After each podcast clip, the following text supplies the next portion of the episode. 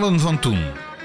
Bas Barendrecht en Ruud van Zomeren nemen u mee naar de voorbije jaren van de oude blinde en slechtziende scholen met hun internaten. Hoe was het om daar te leven en te leren? Luister het komende uur naar Verhalen van toen.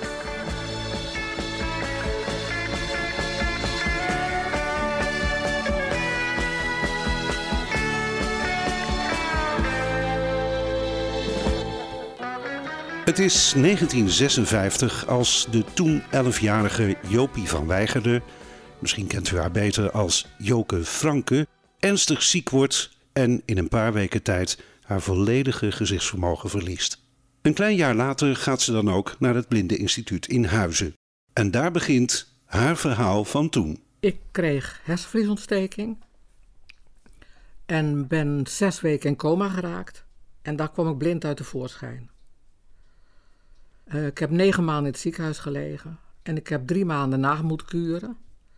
En toen ik in 1957 naar het internaat ging, naar Bussum dan, was ik nog aan het nakuren.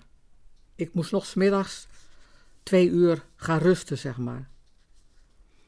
Het was meteen duidelijk. Er waren afspraken met een maatschappelijk werker van het instituut die bij ons thuis kwam. Ik weet niet wie het doorgegeven had aan hem. Maar daar is dus die afspraak toen gemaakt van, ja, in overleg, uh, ja, Jo gaat naar Bussum. Ik woonde in Hardingsveld. Heet nu dus Hardingsveld Giesendam, maar ik noem me bewust Giesendam niet bij, want het is een hele andere hoek dan Hardingsveld. Was ik zeker niet gewend en zeker niet na die periode in het ziekenhuis dat je best verwend bent. Ineens tussen de groep die ook blind en slechtziend is. Dus je was geen uitzondering meer, maar de regel daar. En mijn spraak, mijn dialect, was ook heel erg. Was knauwerig. En ik wist niet beter natuurlijk. Maar daar ben ik heel veel mee gepest in het begin. De meeste waren toch wel, spraken toch wel ABN hoor. Wel met een, een klank dat je kon horen ongeveer waar ze vandaan kwamen. Maar niet echt dat platte, dat, dat, ja, het ene dialect is mijn idee, vind ik dan ook mooier klinken dan het ander. Maar ja, nu ik erop terug denk en terug luister naar die taal van daar, denk ik, ja, het, het, was niet mooi. Maar ja, je was niks anders gewend. Het was je moerstaal, zeg maar. Ja. Dus dat was in het begin echt even, ja, door het diepe. Proberen aan de overkant te komen. Maar het heeft alles bij elkaar eigenlijk niet zo lang geduurd. Want ik moest dus die omschakeling nog hebben van de zesde klas. Ik zat net in de zesde klas toen ik ziek werd. Van de lagere school heette dat toen nog. En toen heb ik uh, braille geleerd bij uh, leraar De Vries. Dus dat was gewoon de zesde klas toen, die ik gewoon nog moest doen. En ook braille leren natuurlijk, dat kwam er dan bij. En van hem heb ik heel veel geleerd. Bij ons in het dorp was, zat uh, Dikje van Garderen. Die kwam ook uit Hardingsveld. En mijn vader kende haar, want toen ik in het ziekenhuis lag in Utrecht, werkte Dikkie in Utrecht. Dus als, als hij bij mij op bezoek kwam in Utrecht, dan zat hij heel vaak in de bus bij Dikkie. En toen kwam van het een kwam het ander en toen zijn we een keer s'avonds naar Dikkie thuis geweest in een vakantie. En toen heeft ze mij het systeem uitgelegd hoe braille in elkaar zit. En het systeem kende ik in een week. Alleen de snelheid moest natuurlijk nog komen, maar het systeem kende ik. Ik was eigenlijk de leeftijd voor de huisjes toen. Maar eh, binnen dat jaar zou men toch naar het woonhuis gaan. Dus van de meiden van mijn leeftijd, zeg maar. Dus ik ging al naar, naar de het woonhuis. En daar leer je eigenlijk heel veel van elkaar. En ik ben wel iemand, dat is mijn hele leven al zo van gewoon doen. Lukt het niet, heb je het wel geprobeerd. En op die manier heb ik heel veel geleerd, want het is echt een motto geworden in mijn hele leven. Gewoon doen. Lukt het niet, dan heb je het geprobeerd en dan kun je altijd nog mensen vragen of ze je willen helpen. Maar dat onderling uitwisselen van hoe je de dingen doet, heb ik heel veel aan gehad, ja. Ik was best wel snel dat ik me ook thuis ging voelen. En eh, ook vriendinnen kreeg in de groep, waar ik meer mee optrok. En ja, dat, dat zorgde toch voor een, een, een, meer thuisgevoel, zeg maar. Ja, en dat was best wel snel. Weet je, thuis groeien weg. Want je ging alleen met vakanties naar huis. De afstand van Bussum naar Hardingsveld was te ver en kostte te veel. Dus je groeit thuis weg en je hebt je vrienden en vriendinnen op het instituut.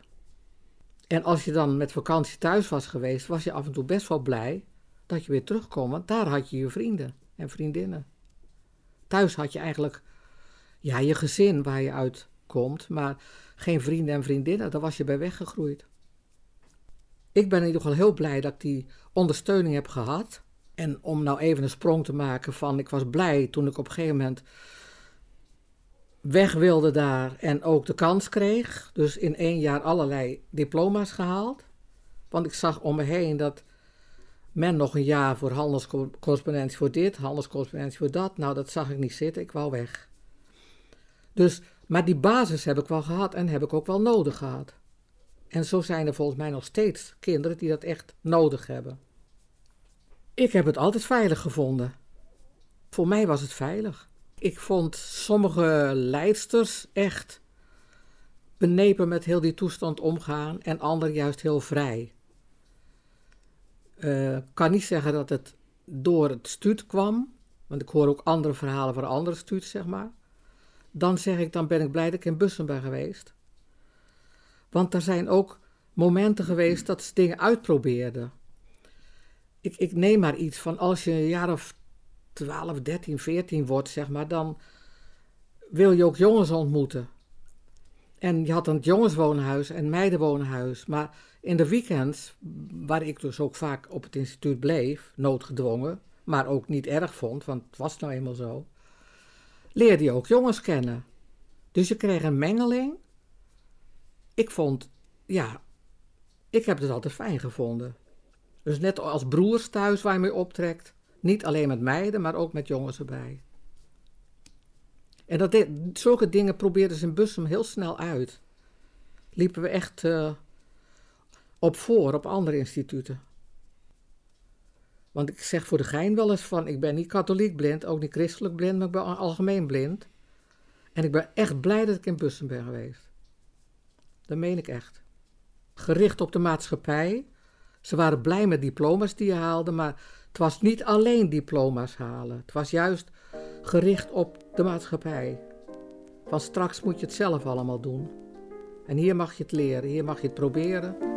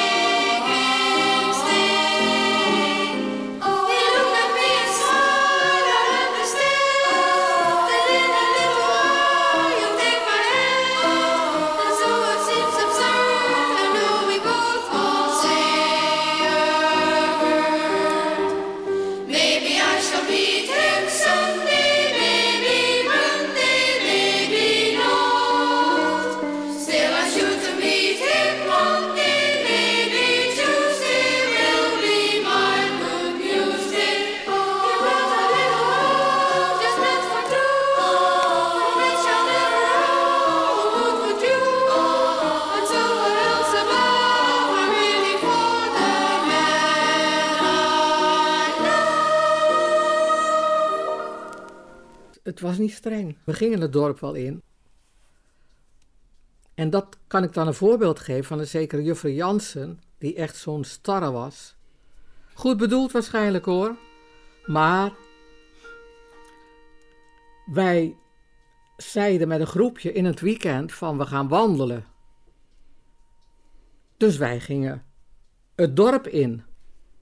Maar zij haalde ons terug op de fietsje, want we mochten niet het dorp in. En wij dachten juist dat we goed deden, want ga samen het bos maar in. Dachten wij, dat, dat, dat, dat, kan niet, dat laat ze niet toe. Maar het, was dus juist andersom. Maar we werden wel teruggehaald.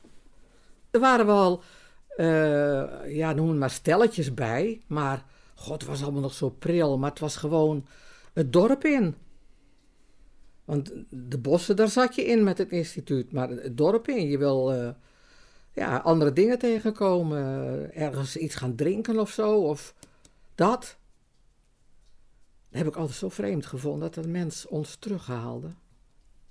Er is een periode geweest dat je samen in, in de eetzaal at. Op een gegeven moment is dat ook een beetje losgelaten. Alleen de warme maaltijd had je samen, maar ontbijt en uh, s'avonds de boterham, uh, dat deed je dan in het woonhuis, zeg maar. Maar ja, het, het, het, het was niet streng. Vond ik niet. Ik heb me nooit bespied gevoeld of zo. Of, of van dat doe ik maar niet, want stel dat de kijker in de buurt is. Nee, ik ging gewoon mijn gang. Maar ja, dat ben ik, hè. een muziekgebouw met cellen, met één piano erin en, en donker. En ja, daar kwam je wel eens iemand tegen. En dat hoeft dan niet van mij te komen, maar dan kan die, die, die, die in dit geval de jongen, kan jou pakken. Ja, kan gebeuren. Maar daar was ik altijd heel alert bij en ook heel uh, adrem van, nee, oké, een knuffel vind ik niet erg, maar uh, verder hoeft het niet. Ik ben, dat was ik op de ziende lagere school al, ik ben altijd een heel lief meisje geweest. En dat klinkt heel, heel... Toen was ik zo, want ik ben daarna echt, ik heb, ik heb het wel ingehaald. En ik ben, ja, nu kan ik dus veel meer dat opzoeken of dat doen. Gewoon om lol in het leven te hebben. Wat ik toen, ik was toen voor mijn leeftijd eigenlijk veel ouder dan ik nu ben, nu ik wat ouder ben. En me veel jonger voel en veel jonger gedraag. Weet je, een kind neemt een heleboel dingen gewoon op vaak. Ik heb ook heel lang gedacht dat ik weer ziende zou worden, want er was mij niet gezegd dat ik zo zou blijven. En toch, door het hele groeiproces, kreeg ik wel in de gaten dat het zo bleef. En ik heb naderhand wel eens teruggehoord van de leidsters van... Jij loste alles zelf op. Je kwam niet naar ons toe met, met, met problemen of met, met waar je moeite mee had op, op dat terrein van pas blind worden en hoe doe je dat dan allemaal? Toen, toen was mijn reactie van, kon dat dan? Nee, want ik deed het zelf wel. En dat is ook weer iets, een houding in mijn, in mijn verdere leven gebleven. Van, ja, doe het maar. Uh, lukt het niet, haal er dan iemand bij, maar is niet nodig geweest. Je kan van binnen huilen, bij wijze van, omdat je toch aangedaan wordt, zeg maar, aangeraakt wordt. Maar de buitenkant, nee, dat zullen ze niet merken aan mij. En eigenlijk vind ik dat je dat af en toe best mag laten zien. Niet, niet bij je hoeft te houden, maar dat bedoel ik met, ja, soms te sterk. Je mag ook af en toe gerust week zijn. Ik zat op een koor, dat was bijna verplicht. En ik had op dat moment geen zin om die avond te gaan. Want ik heb een vrij lage stem en ik werd af en toe ook ingedeeld bij de mannen. En bij de tenoren, zeg maar, omdat ik soms de alt niet eens kon halen. Maar ik had er gewoon geen zin in, dus ik was niet meegegaan en ik was in mijn kast de kleren aan het goed aan het leggen. Net te leggen, zo, zo zeg maar. Komt zo'n lijster van, moet je niet naar het koor? Ik zei, nee. Waarom? Je bent toch niet ziek of zo? Ik zei, nee, ik ben niet ziek, maar ik had geen zin.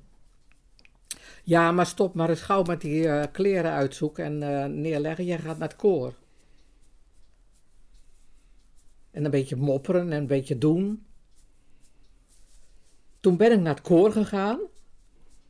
In het weekend had ik af en toe wel eens een, een, een flesje, ja, waar ik het vandaan haalde, mee laten brengen, denk ik. Uh, CC, een heel klein flesje. En ik was op dat moment zo boos op zo'n reactie van de leiding, dat ik gooi dat flesje, dat lege flesje, tegen de douchecel kapot.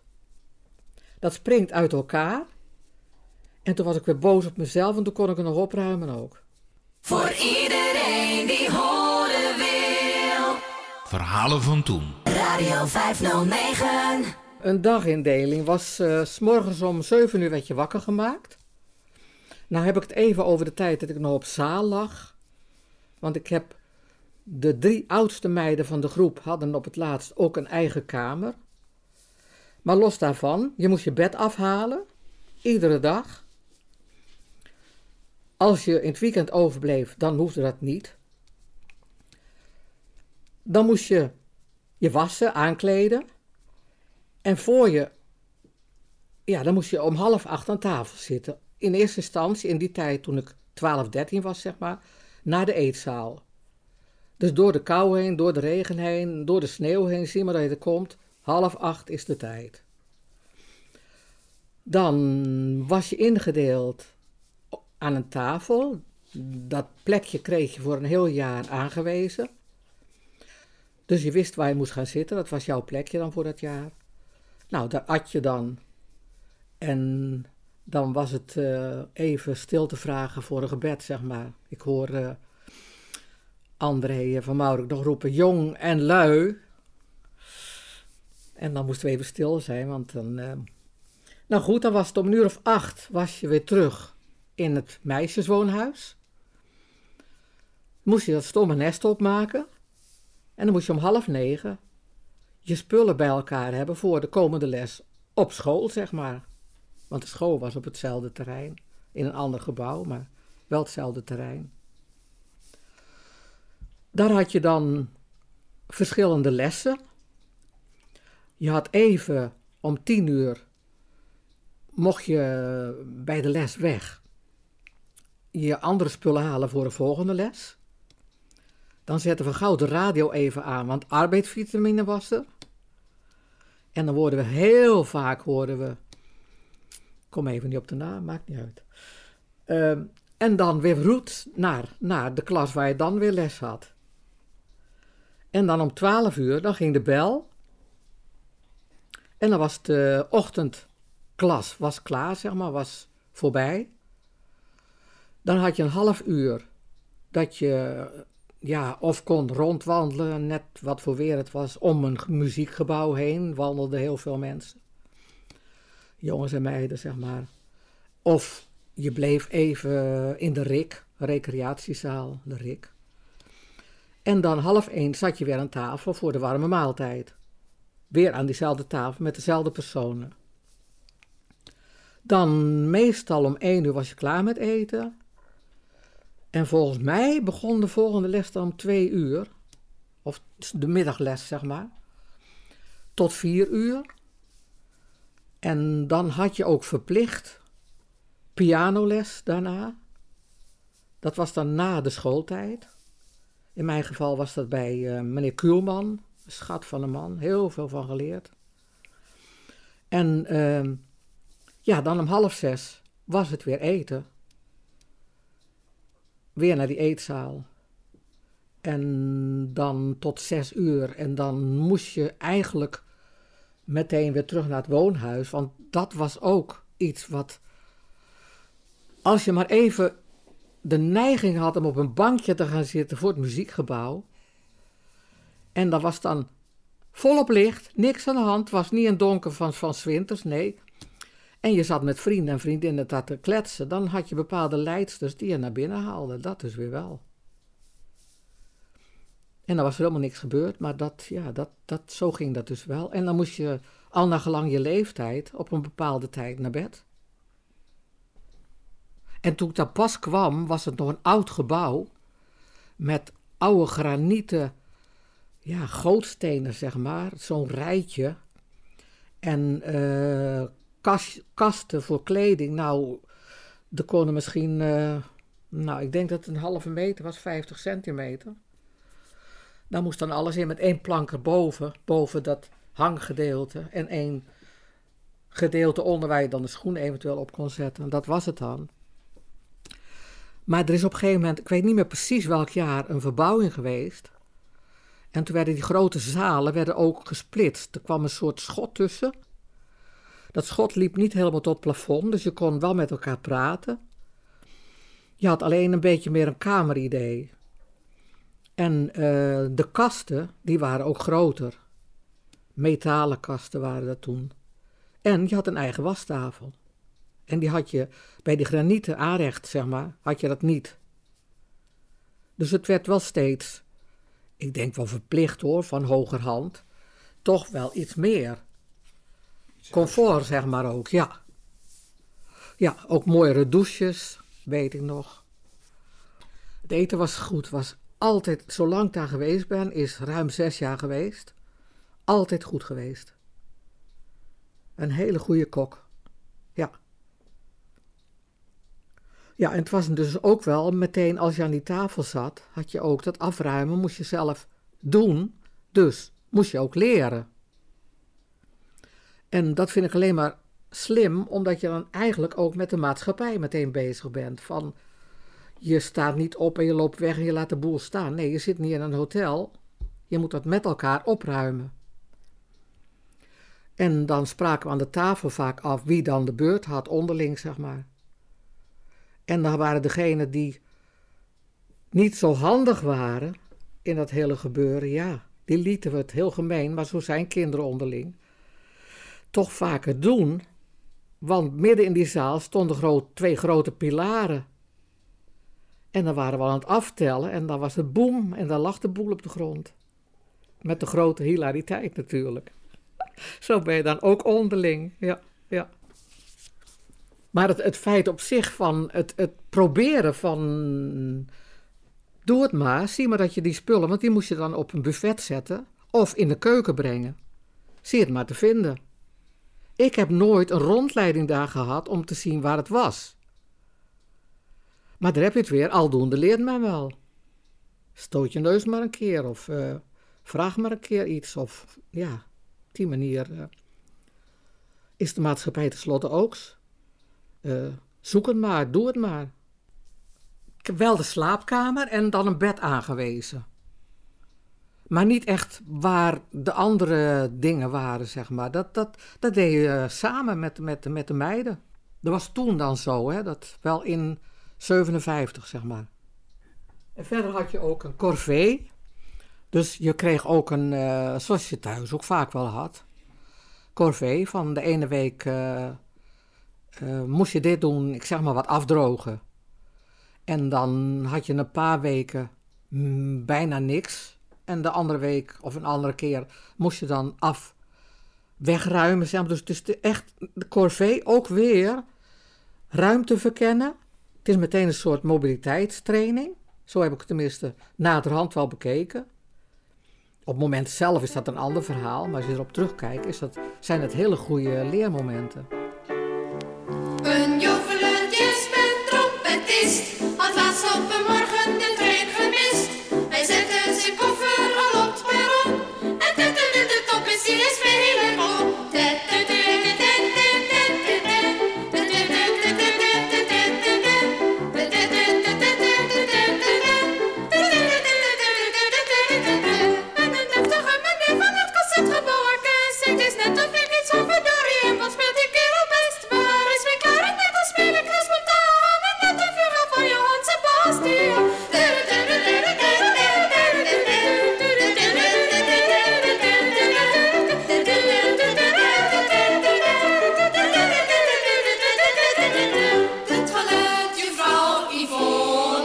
speelt de meesterlijk trombone. Ze zijn die personen tipsy, want dit is even een stukje Dixieland.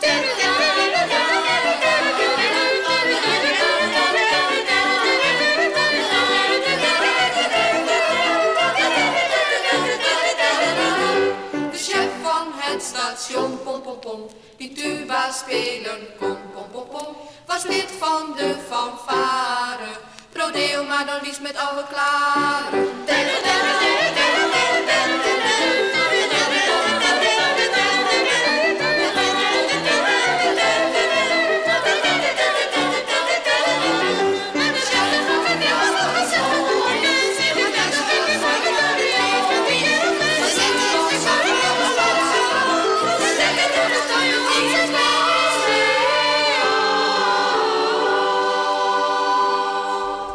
Plaatopname van het meisjeskoor van het Blindeninstituut uit 1963. Ga je gang, Thea. Kom maar. Goed. Kom. Kom. Kom. Goed. Goed. Goed. Goed. Kom. En dit is het voor velen zo karakteristieke stemgeluid van gym- en stokloopleraar Pim Kooijman. Op de sprintbaan, buiten op het sportveld, praat hij als het ware een leerling naar zich toe. Joke Franke over deze gymlessen. De oude gymles moest je een weggetje over. Weggetje dat naar uh, Blaricum ging. Tussen de bossen door. En dan kwam je op het sportterrein. Sportveld. Ja, noem het maar een wei met een, een springding en een klimding en een zandbak. Dat was het dan. En een boom waar je op evenwicht, uh, ja, pro probeerde je evenwicht te houden, dus op te lopen dan. maar toen op, op een gegeven moment kreeg Pimmetje Kooiman ineens een hele mooie, ja, gymveld zeg maar, een schitterend gymveld. Waar dan ook van alles gedaan kon worden. Was bijna professioneel. Waar ook één keer per jaar dan die sportdagen waren. En daar kwamen dan leerlingen vanuit Graven en ook vanuit Bartimeus. En daar heb ik dan mijn, een van mijn uh, correspondentievriendinnen opgedaan, zeg maar, uit Bartimeus. Ja. ja. Maar het was echt ook weer, als je dan, neem het voorbeeld van sprinten. Er stond Pimmetje aan het eind van, van de rit, zeg maar, en die stond te roepen door, door, door, door, door. Dus je liep van het begin naar dat geluid toe, zo snel mogelijk. Ja, dat is een training van heb ik jou daar. Ja, stoklopen. Ik moest stoklooples aanvaarden. En ik deed het niet. Ik was ontzettend eigenwijs. En dit noem ik dan negatief eigenwijs. Want naderhand ben ik zo blij dat ik op een gegeven moment toch met die stok ben gaan lopen. Maar Pimmetje nam contact op met mijn ouders ook, want ja, Jo wou geen stoklooples. En mijn ouders waren nog een beetje in de sfeer van, och Germ, bijtje het toch al zo moeilijk, laat dat nou maar. Maar ik heb dus nooit stoklooples gehad. En ik ben er pas aan begonnen toen ik op 35-jarige leeftijd last van die oortjes kreeg.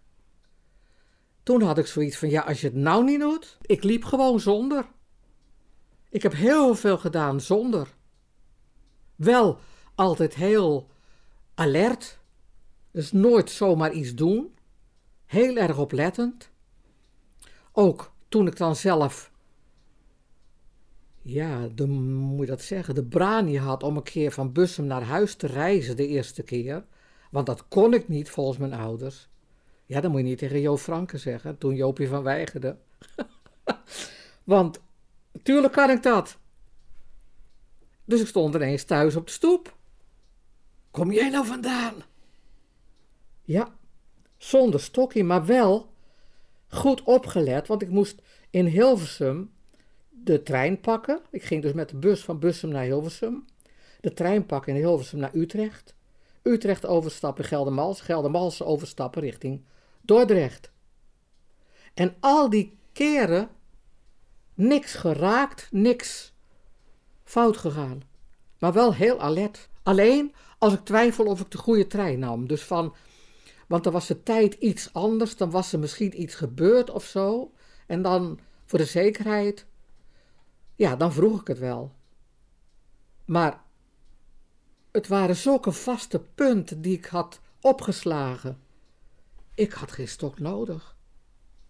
Vond ik dan. Maar ik kwam ook in Hardingsveld, hadden we een station ook. door het centrum van het dorp, en er was best wel druk met veel winkels, kwam ik ook weer thuis, hè? Zonder stokkie. En dat noem ik nu echt negatief eigenwijs. Als ik er nu op terugkijk en terugdenk van, oh meid, wat heb je het allemaal gedaan? En achter de kinderwagen, dat is een hele fase verder, maar ook zonder stok liep ik in Valkenswaard, want ik kende de weg. Wij wandelden heel veel, mijn man en ik. En tot ik op een gegeven moment in Valkenswaard met mijn, dat mijn, mijn oudste zoon in een eh, kinderwagen zat, zeg maar, en een lantaarnpaal niet wist. Dus boem, er tegenaan. Nou, niet, niet zeggen, maar mijn oudste zoon die zei boem. En ik heb staan lachen daar. En die lantaarn heb ik nooit meer geraakt. Je kan het aan mij helemaal niet zien, Ruud. Dus ik kon het goed verbloemen. En dat wilde ik ook graag. En waarom? Ja. In mijn puberteit en zo kan ik me niet meer voorstellen als jonge meid weer eh, niet met zo'n stok. Tenminste, ik niet, laat ik bij mezelf houden. Maar als je dan. eh, ja, ik hoor het nu wel eens terug van jij, dat jij niet. En je deed dit en je deed dat. Hoe deed je dat dan? Ja, gewoon, roep ik dan. Maar dan denk ik, ja, dat is geen antwoord.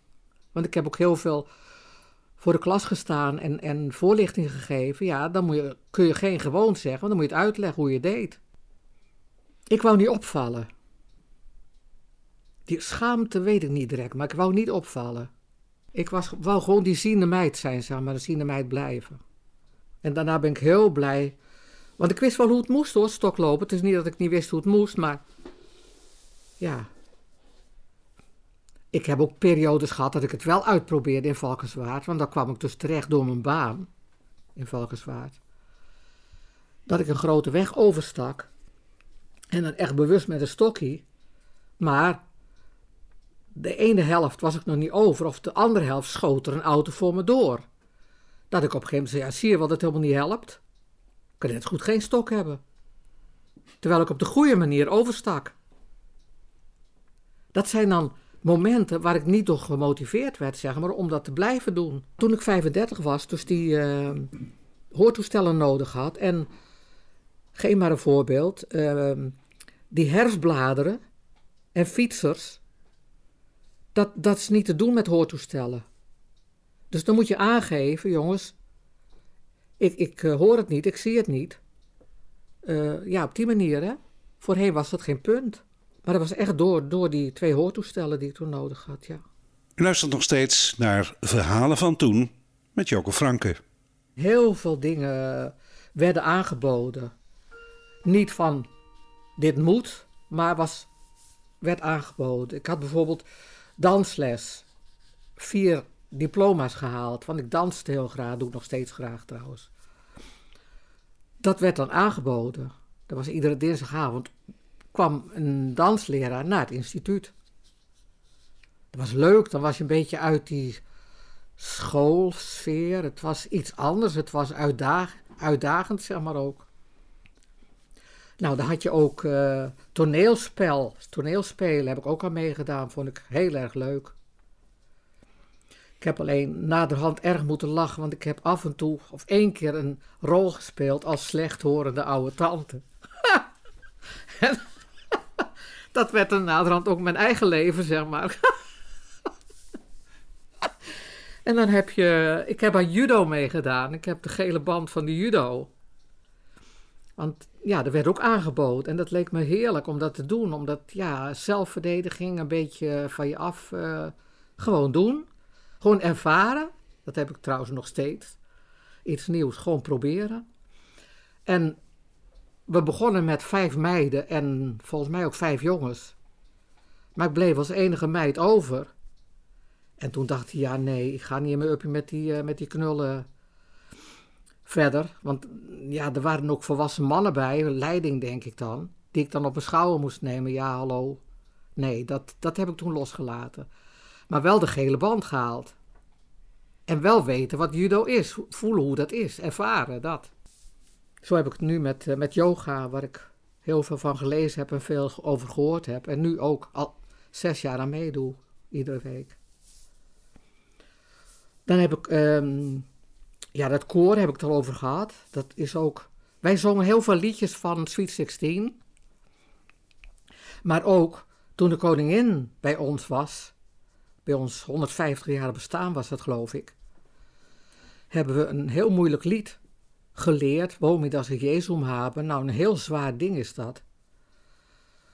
Ja, ik vond het ook heel erg mooi om mee te zingen. Want het was die ene keer dat ik zo opstandig die, die, die kledingkast aan het opruimen was. Ja, dat is gewoon een, een keer een, uh, ja, een balengevoel geweest, zeg maar. Maar ik vond het eigenlijk best wel leuk. Ik heb zelf ook opgetreden een keer met iemand anders van het instituut. En dan was ik, dat is Louis Armstrong. Met dat liedje van uh, Ik zag Good Night, weet je wel, dat, dat nummer van... En dan zij was dan de dame en ik was Louis Armstrong. Zulke dingen, ja, echt. Van alles. En we moesten op het instituut ook altijd s'avonds iets in handen hebben. Of we moesten met huiswerk bezig zijn. Mochten niet zomaar zitten. En wat dan ook veel gebeurde met die duimen in die oogjes prikken. Of, of helemaal niks doen. Dan werd er wel iets aangereikt. Maar ik was altijd met iets bezig. Was geen handwerk, dat was het huiswerk. Of mijn dagboek. Of... En pianoles moest je natuurlijk ook voor studeren. Want je had dan uh, twee keer in de week had je les. Maar dan moest je natuurlijk ook uh, oefenen. En dat heb ik dus zes jaar gedaan. En één diploma. Ja, hier in Valkenswaard ben ik ermee doorgegaan. Heb ik één diploma gehaald. En toen kreeg ik last van ja, reumaknuisjes. Dus toen heb ik dat uh, losgelaten. Ik heb wel een keyboard in huis waar ik af en toe op speel. Maar het echt uh, studeren, nee. Dat, dat lukt niet met die knuisjes, nee. Ja, en intussen was het zo dat uh, er waren een paar meiden. Rietje Buurman, Mary Damme. Die zaten in Bussum op de huishoudschool. Gewoon tussen de ziende meiden. En als hun opleiding klaar was, hoopte men in Bussum dat ze geplaatst konden worden bij mensen om huishoudelijk werk te doen, zeg maar. Maar dat viel blijkbaar tegen, want ze werden heel moeilijk geplaatst. En toen kregen, kregen wij, dat was dan de volgende groep, eerst een, een jaar een soort huishoudschool, dus kookles, kinderverzorging, echt die dingen, zeg maar. En ik had echt gehoopt dat ik op een gegeven moment met 15, 16 jaar weer naar huis zou gaan, dat ik klaar zou zijn. Ja, dat ga je idealiseren. Je thuis ga je idealiseren. Maar omdat die meiden niet geplaatst, kon, geplaatst konden worden, moesten wij de MULO doen. Dus er kwam vier jaar bij. En toen had ik echt zoiets van: oh, nog vier jaar hier. Maar achteraf heb je weer zo'n voorbeeld. Zo blij dat het dat heb gehaald, dat we dat allemaal hebben mogen doen en kunnen doen en ook hebben kunnen halen. Heel onze groep trouwens, er is niemand blijven zitten of niemand, ja, die heeft, is moeten stoppen. Dus ja, een hele goede opleiding. Meneer Koster had ik Engels van, had ik geschiedenis van, had ik Nederlands van. Meneer Vechter hadden we Frans van. Juffrouw Meulendijk, Meulenbroek, Meulendijk geloof ik. Dat was dan in die school die aan de huizen vast zat. Daar hadden we Duits van. En uh, adreskunde hadden we ook van meneer Vechter. En dan in 1958 krijgt het Blindeninstituut in Huizen wel heel bijzonder bezoek. Koninklijk bezoek. Want niemand minder dan koningin Juliana, vergezeld door de Deense koningin in het kader van een staatsbezoek, komt naar Huizen. Voor alle betrokkenen een onvergetelijke gebeurtenis. Dat was echt heel apart. Ik weet nog wel dat ik van tevoren aan meneer Koster had gevraagd, van, aan Dirk Koster, dan, van... Stel dat ze me aanspreekt, wat moet ik dan zeggen? Hoe, wat zeg ik tegen haar? Majesteit of mevrouw of... En ze sprak me ook aan en er is ook een foto van in de krant geweest. Die foto heb ik trouwens ook in mijn eigen fotoalbum staan. Maar het was een heel gebeuren en daar werd dan meestal de gymzaal van Pimmetje voor gebruikt. Hè? En het podium stond dan dat koor waar ik net ook van vertelde, van het Womidas het Eh, gezongen hebben. Maar er waren verschillende optredens en ook toelichtingen en voorlichtingen, al die dingen meer. En ik weet niet waar toen Juliane naartoe was gegaan, maar die was er niet. Die had alleen haar hoedje afgezet.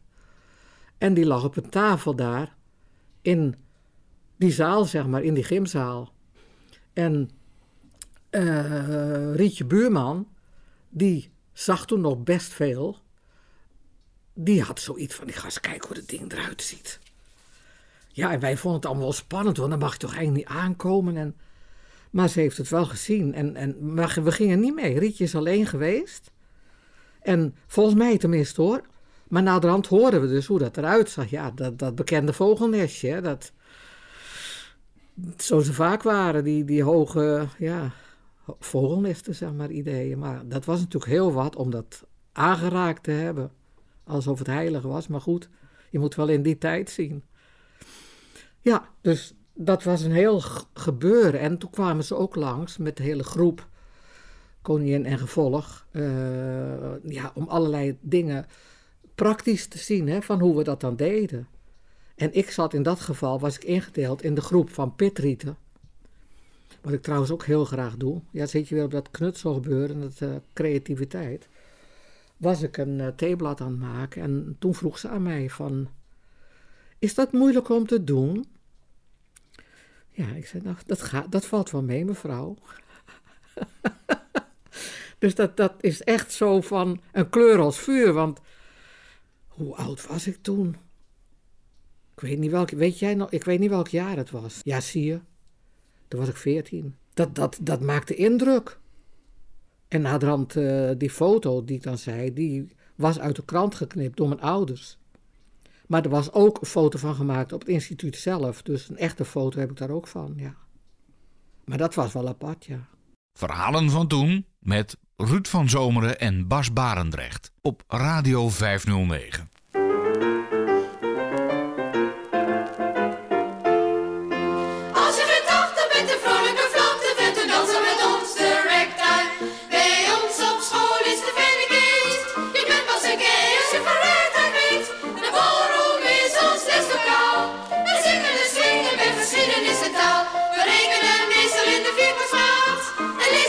Koppen wat zo lekker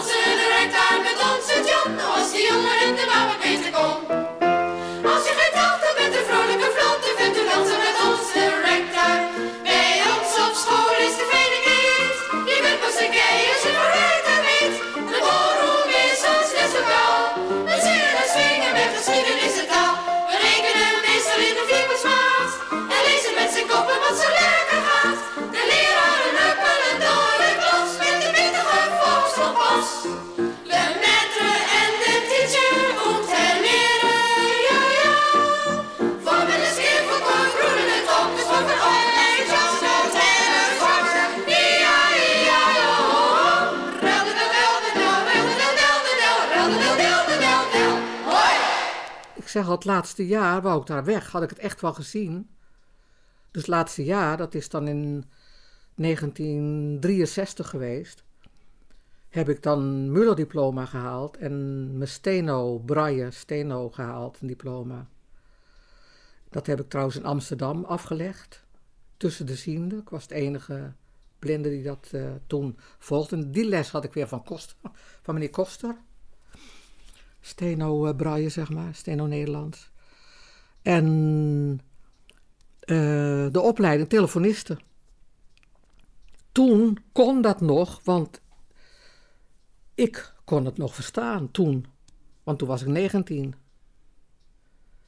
En ik heb er alles uitgehaald, wat het gehoor betreft, tot het op een gegeven moment op was.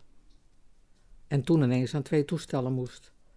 Maar ik ging dus eh, als telefoniste daar vandaan. Want er werd naar het instituut gebeld met een baan. En dat was hier in het zuiden van het land. En ik ben toen uit drie stemmen ben ik gekozen. Eh, als stem ja, die het zou worden voor dat bedrijf. Dus nou ga je echt die maatschappij in. Zie maar hoe je het redt. Mijn ouders bleef, die woonden nog boven de rivieren. Dus ik ging op kamers. In een pension. En vanuit het pension ging ik naar mijn werk. Met de bus. Dus echt, ja, ehm, in het diepe gegooid en zwemmen maar. Zie maar wat je tegenkomt. Ik had toch wel gehoopt, of in ieder geval laten weten, dat ik toch graag weer naar huis ging toen die, die opleiding klaar was voor mij. Toen ik vond dat die klaar was. En, ehm, maar ja, toen kwamen ze met die baan aan en toen heeft mevrouw eh, Koster, die eh, als secretaresse van uh, was, die zei, joh, je bent gewend om van huis weg te zijn en het is een goede baan. Dus ja, toen heb ik gewoon die stap gezet en ben ik naar het zuiden van het land gegaan, ja. Dan denk ik ook bijvoorbeeld weer terug aan een werkweek tijdens dat Mulo-gebeuren, die we in Engeland hebben doorgebracht, zeg maar. En toen waren we op een internaat, vlakbij Londen. En dan krijg je de verschillen ook te merken van hoe het in Bussen was en hoe het daar op het instituut ging, zeg maar. En wij waren in een meideninstituut, weet ik nog. En ook daar heb ik een correspondentvriendin aan uh, overgehouden. Maar ja, die dingen deed je ook. Dat waren toch extra's, vind ik, van toch die maatschappij in en zelf oriënteren. Ja, ik zat op de uitslag te wachten van de Muller-examen. En dat werd toen gedaan in de expohallen in uh, Hilversum. En dat duurde maar en dat duurde maar. En wij maar spanning, spanning. En op een gegeven moment werden wij binnengeroepen. Toen hadden we dus het examen al gedaan, zeg maar. Mondeling deed je op het instituut. Nee, sorry, andersom. Schriftelijk deed je op het instituut. En mondeling was dan in Hilversum, zeg maar, in dit geval. En toen werden we binnengeroepen. En toen hoorde ik dat ik geslaagd was. Nou, ik schoot meteen vol. Tranen met tuiten. Dus ik kwam naar buiten en Walle Zebe kwam op me af. Zei, Meid, wat is er? Ben je gezakt? Ik zei, nee, ik ben geslaagd en ik ben zo blij. Ja, dat, dat zijn tranen van, van blijdschap, zeg maar. Dat, dat heeft zoveel indruk gemaakt. En daar was juffrouw Vrolijk ook bij. Die uh, heeft ons, ja, bijgestaan tijdens dat wachten ook, want dat duurde, och. Maar ook toen we dan uh, de uitslag wisten. En ja, met die tranen, en, want ik was niet de enige hoor, maar en, en je vrolijk staat er ook bij op de foto, zeg maar, met bloemen die we gekregen hadden. Want voor zulke dingen zorgde Ans Vrolijk ook. Dat was nou echt, waar ik vaak van zeg, dat was echt een, een tweede moeder voor me. Zo heb ik het wel gevoeld. Ik ben ook een aantal keren bij haar te logeren geweest in Woerden. Ook toen ik nog geen verkering had, dus alleen. En ja, dan voel, je, dan voelde je thuis en je was van het instituut weg. Dat wil je af en toe wel. En ik bofte toch wel, want ik had familie in Bussen wonen. Die me dan af en toe wel eens een weekend naar hun toe haalden. Ja, dan ben je even in die andere wereld, zeg maar. Het is wel dezelfde wereld, maar toch onder andere mensen, andere groep, andere dingen meemaken, andere dingen doen. Dus een schakering van allerlei momenten, zeg maar, van echt momenten met een glimlach als ik erop terugdenk.